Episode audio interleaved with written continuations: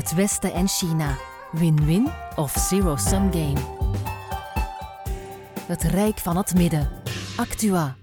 Enkele dagen geleden kondigde de Chinese Nationale Gezondheidscommissie een 10-puntenplan met versoepelingen aan. Om de angel natuurlijk uit de onvrede te halen, want de recente straatprotesten van de bevolking zijn ook ons hier in het Westen niet ontgaan.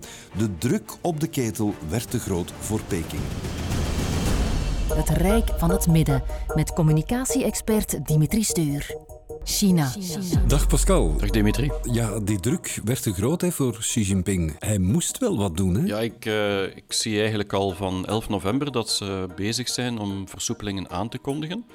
En dan ja, zijn die er een paar weken daarna, dus eigenlijk nu bijna een maand later, echt wel doorgekomen. Er waren toen al 20 punten uitgestippeld voor versoepelingen. En nu hebben ze er nog eens 10 bij gedaan. En dus het is heel duidelijk dat China nu dit uh, COVID- of dynamisch COVID-zero-politiek aan het loslaten is. Je ziet het ook in de Chinese artikels of Chinese nieuwsbladen bijna niet meer verschijnen, die dynamic COVID-zero politiek. Dus het is eigenlijk aan het wegebben.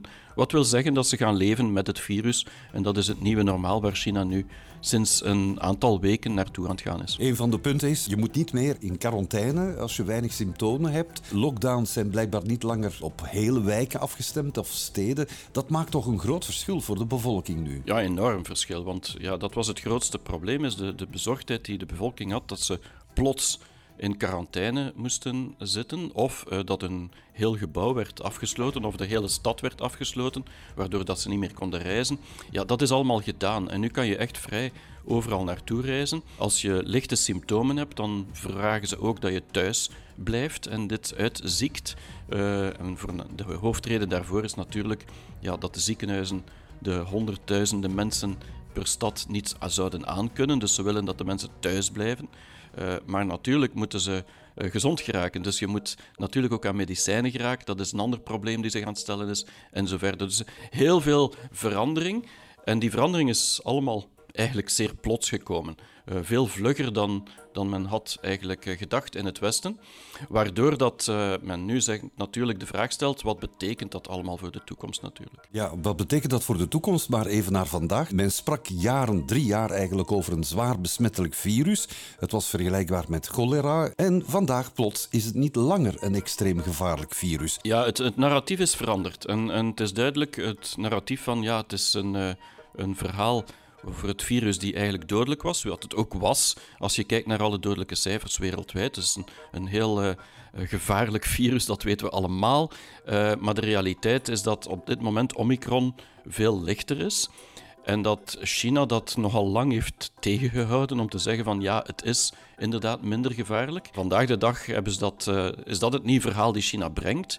Wat een, een, een 180 graden keren is, zou je kunnen zeggen. Het is natuurlijk zes of negen maanden dat ze dat aan het, kijken, aan het bekijken zijn van de rest van de wereld, hoe dat, dat virus evolueert. En ik denk dat China tot, tot over een aantal maanden geleden er zelf niet in geloofde dat dat Omicron-virus plots allemaal veel minder was. Maar het feit dat ze nu in één keer zeggen van ja, het is allemaal zo erg niet, is wel duidelijk dat ze ja, de, eh, de richting aan het veranderen zijn. En de mensen vooral aan het duidelijk maken van uh, ja, we moeten uh, er, ermee leven met dat virus. We moeten ermee verder. En als ze natuurlijk de paniek die ze vroeger gezaaid hebben blijven zaaien op dit moment, dan, ja, dan gaan die steden niet uh, versoepelen. Zo simpel is het. Ja, maar die versoepelingen leiden nu wel tot een opvallende angst onder de bevolking. Ja, er is een andere soort angst onder de bevolking. Vroeger was de angst van uh, in quarantaine te geraken en niet te mogen reizen en zo verder. Vandaag is natuurlijk de angst van ja, dat virus is er nog en uh, misschien gaan nu mensen sterven. Misschien raak ik niet aan medicijnen. Uh, dus nu zitten ze over gezondheid te denken, eerder dan over, over mobiliteit.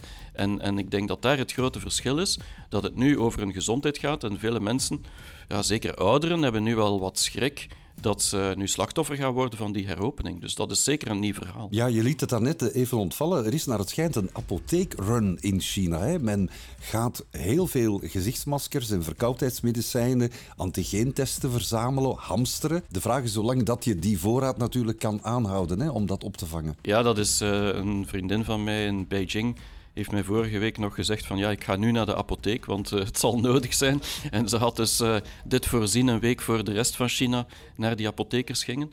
En inderdaad, het, het is natuurlijk, iedereen wil voor zichzelf en voor zijn, zijn, zijn familie zorgen.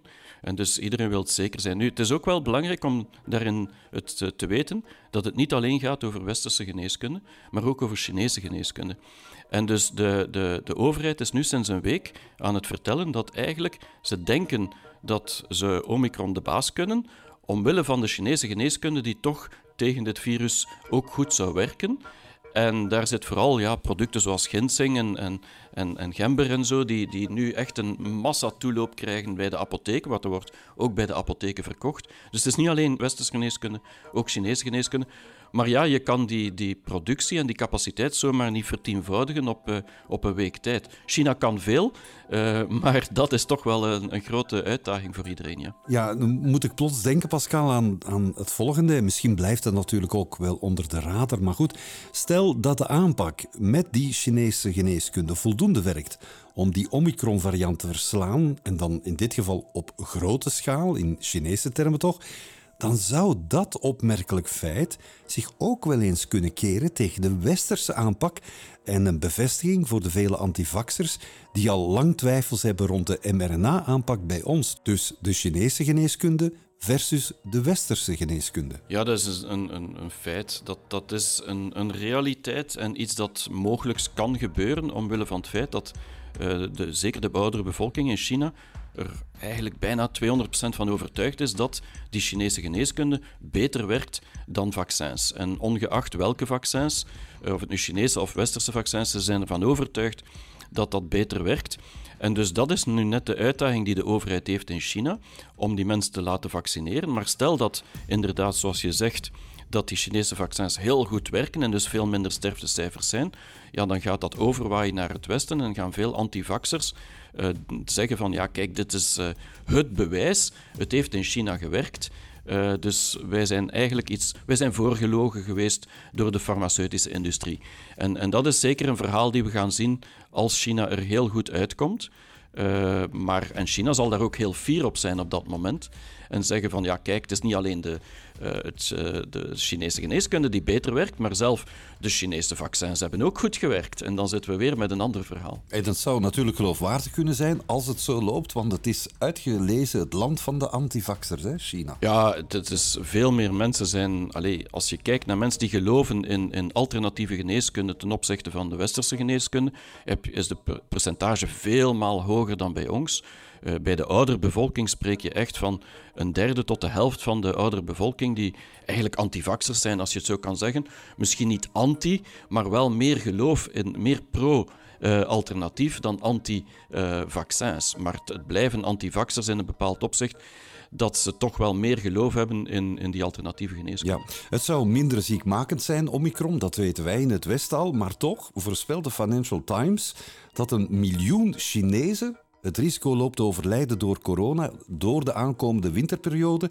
En dan is er natuurlijk nog de ja, massaverloop, zeg maar, tijdens het Chinese nieuwjaar. Ja, het, het eerste is denk ik uh, een schatting die gedaan wordt puur op basis van die westerse geneeskunde. En dus ja, de Chinezen hebben meer vertrouwen dat op hun manier het wel beter gaat zijn. Nu, wat, het, zullen heel, heel wat doden blijven natuurlijk. Uh, dus dat, dat is een groot probleem. Het tweede is volgens mij een groter probleem. Uh, in de zin dat inderdaad, als er veel mobiliteit is en veel mensen naar, de, naar het platteland teruggaan of naar een kleinere steden teruggaan, naar de familie met Chinees nieuwjaar, en dan spreek je echt over volksverhuizingen van 100 miljoenen mensen op korte termijn, ja, die komen allemaal in plaatsen terecht waar de ziekenzorg niet zo goed is, waar er niet genoeg dokters zijn.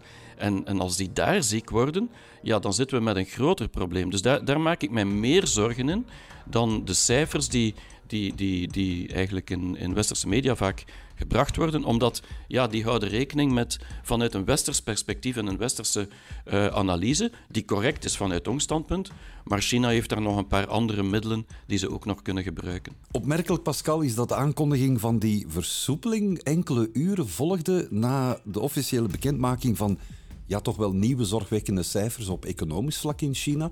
Import- en exportcijfers zijn gekelderd. Ja, ehm, denk jij dat er een correlatie is tussen beide, de aankondiging versoepeling en tegelijkertijd de malafide economische cijfers? Ja, ik ben ervan overtuigd dat er een, een correlatie is, maar ik denk dat die correlatie al maanden aan de gang is. Dus dat is eigenlijk al van sinds deze zomer dat de economische druk op China te hoog aan het worden is.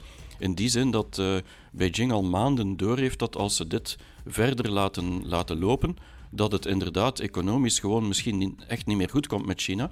En dus ze, ze beseffen al heel lang volgens mij dat ze er iets moeten aan doen. En net daarom zijn begin november die versoepelingen aangekondigd. Dat was een stukje door die economische cijfers die al in, in september en, en in augustus minder goed waren. Het is niet van vandaag.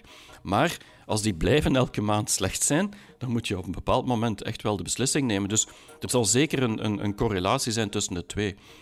Volgens mij is echt de, de, de, de, de verkeerde inschatting die wij vaak maken, is, is denken dat, dat China niet kijkt naar haar cijfers om beslissingen te pakken.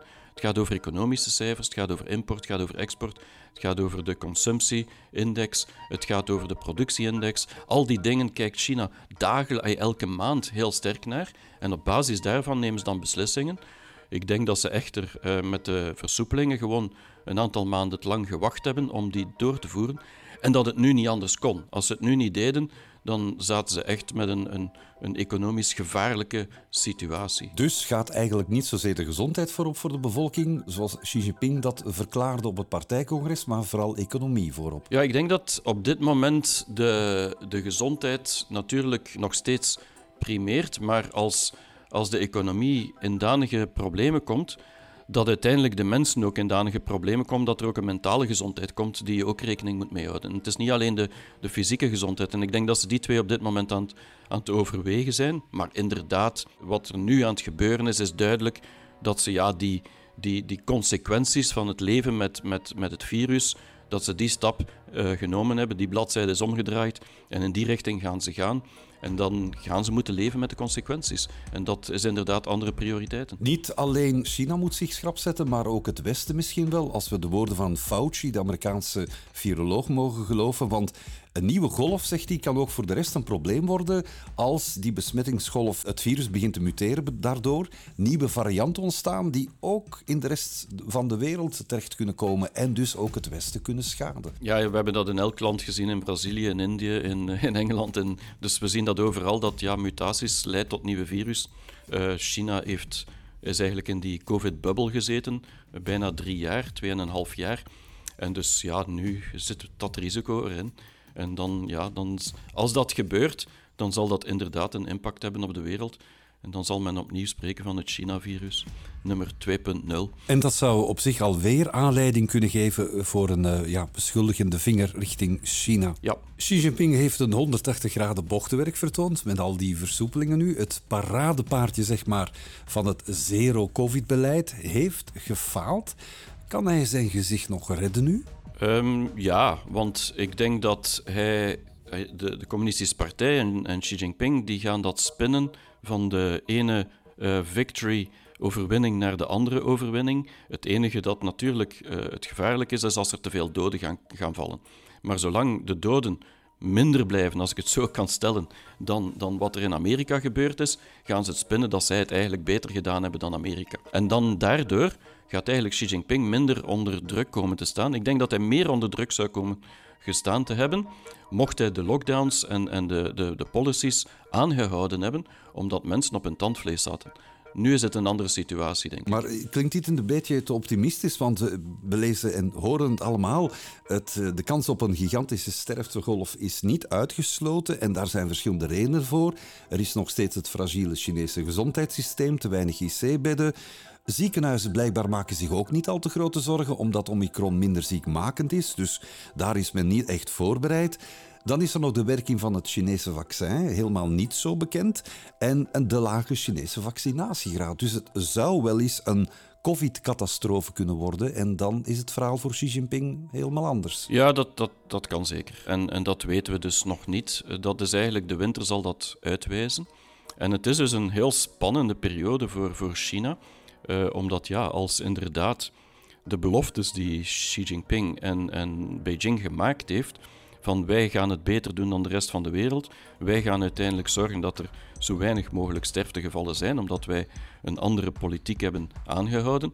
Als nu blijkt dat inderdaad dit volledig verkeerd was en dat er massaal mensen sterven, een miljoen mensen of meer, dan ga je natuurlijk heel veel mensen hebben die ja, daar toch in twijfel gaan trekken en dus veel meer druk op Beijing gaan uitoefenen. Het spel die zal gespeeld worden, en dat doen ze al lang in China, is kijken, is dit een, een lokaal probleem of is dit een Beijing-probleem? En dus afhankelijk van waar die doden vallen, uh, zullen ze het natuurlijk op de steden steken die het uiteindelijk niet goed hebben opgevolgd.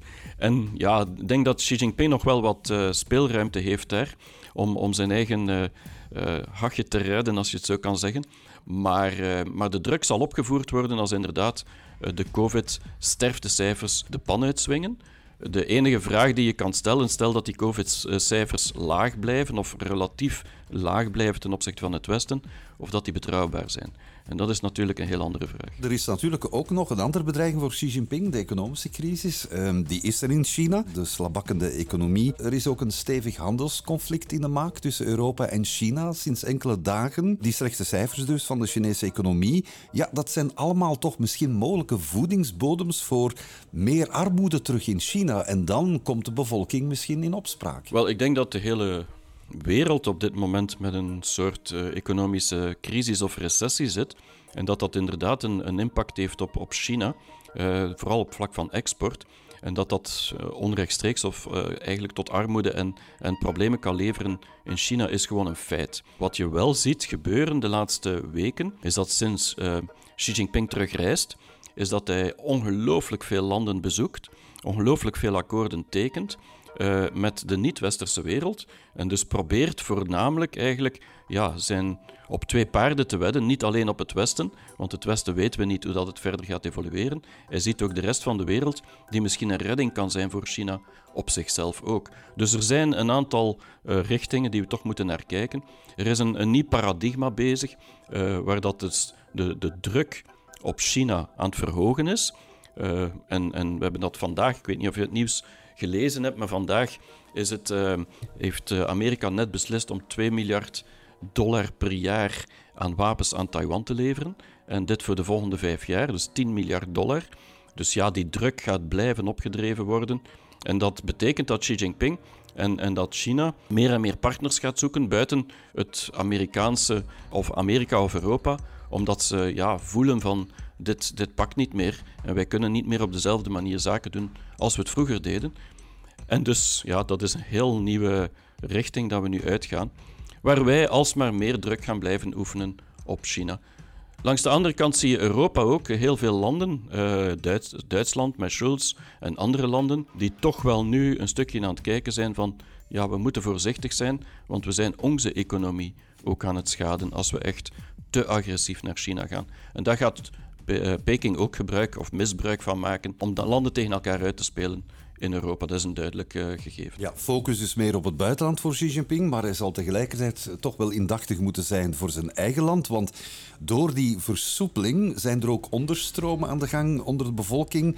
Want je zou bijna kunnen zeggen, de regering heeft geluisterd naar de bevolking die in op straat kwam, protest uitoefenen. Eh, met andere woorden, het loont dus om je stem te laten horen. En dat zou wel eens een incentive, een, een, signaal kunnen zijn voor vooral jongeren, studenten, die zeggen: kijk, ehm, als we protesteren, dan luistert Peking wel. What's next? Ja, het is, een, verhaal die veel, die je veel hoort vandaag de dag in China. Dat, ehm, dat ja, dit een bewijs is dat Xi Jinping en dat Beijing luistert naar de bevolking. Nu, of het de protesten zijn die eigenlijk de verhalen zijn waar ze naar luisteren, of wat aan die protesten vooraf ging, dat is natuurlijk het verhaal wat in het Westen en in China anders verteld wordt. Uh, een van die verhalen is bijvoorbeeld dat de baas van Foxconn, waar de iPhones gemaakt worden in China, eigenlijk al, al meer dan een maand geleden gezegd heeft aan Beijing van kijk, jullie moeten versoepelen, want anders loopt dit echt uit de hand economisch. En dat die protesten zo'n beetje de uitloop is van eigenlijk wat er al stond, uh, van, van wat de bevolking al wou. En dus volgens vele Chinezen die nogal pro-Beijing zijn, zeggen die duidelijk van ja, het is, het is inderdaad uh, Beijing die luistert naar zijn bevolking.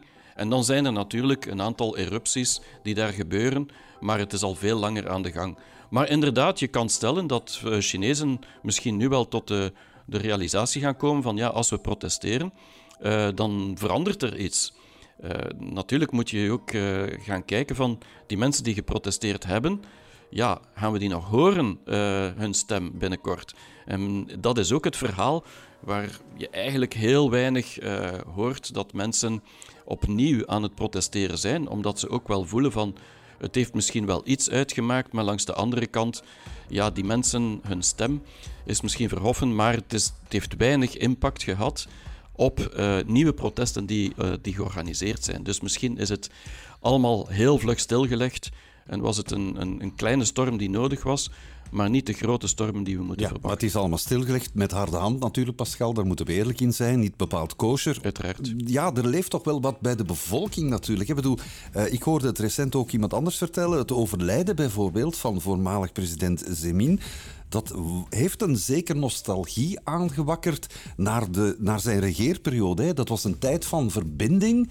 En ja, als je dat een beetje um, projecteert naar vandaag, dan zou dat toch wel een beetje het gevoel kunnen geven bij de doorsnee Chinees van het loopt hier flink mis met Xi Jinping. Ja, zullen we misschien toch maar uh, onze stem weer laten horen? Ik bedoel, het leeft wel bij de Chinezen. Hè? Ja, het leeft zeker bij de Chinezen. En, en ze, zijn, ze zijn bezorgd over de, de richting van, van China in, in vele aspecten. Maar uh, Jiang Zemin is een heel dubbel verhaal. Uh, opnieuw, zoals alle verhalen in China, waarbij dat uh, veel mensen inderdaad, en dat hoor je of lees je in westerse media, zoiets hebben van Jiang Zemin heeft China geopend, heeft uh, eigenlijk heel veel groei veroorzaakt en zo verder. Langs de andere kant zijn er ook heel veel problemen door die opening gekomen, vooral op vlak van corruptie. En trouwens, Jiang Zemin was ook niet de engel die we ons voorstellen, en was ook heel hard uh, hij heeft trouwens, dat was net na Tiananmen dat hij eigenlijk leider geworden is. En ja, dat, dus er zijn dubbele verhalen aan de gang. Maar wat wel duidelijk is, is dat, uh, dat Jiang Zemin een symbool is geweest voor de opening van China voor de rest van de wereld.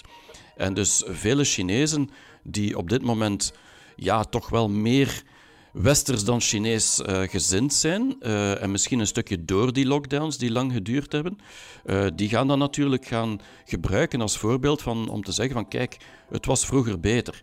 En het is ook een realiteit. Als je kijkt naar de periode van Jiang Zemin en je kijkt naar de periode vandaag, ja, toen was er geen werkloosheid zoals die er vandaag is.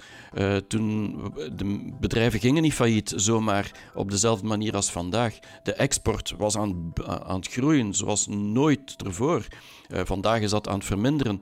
Dus er zijn heel veel redenen om te gaan teruggrijpen naar nostalgie van het verleden. Maar ja, dat hebben de, eh, de Engelsen met Brexit ook gedaan. En dus je moet eigenlijk voorzichtig gaan om te gaan kijken van ja, is het in het verleden altijd beter? Misschien wel, misschien niet. Dat hangt af van de opinie en de positie van bepaalde mensen. Maar in het algemeen denk ik niet dat de, de, de dood van Jiang Zemin een, een, een, een kantelmoment is voor China.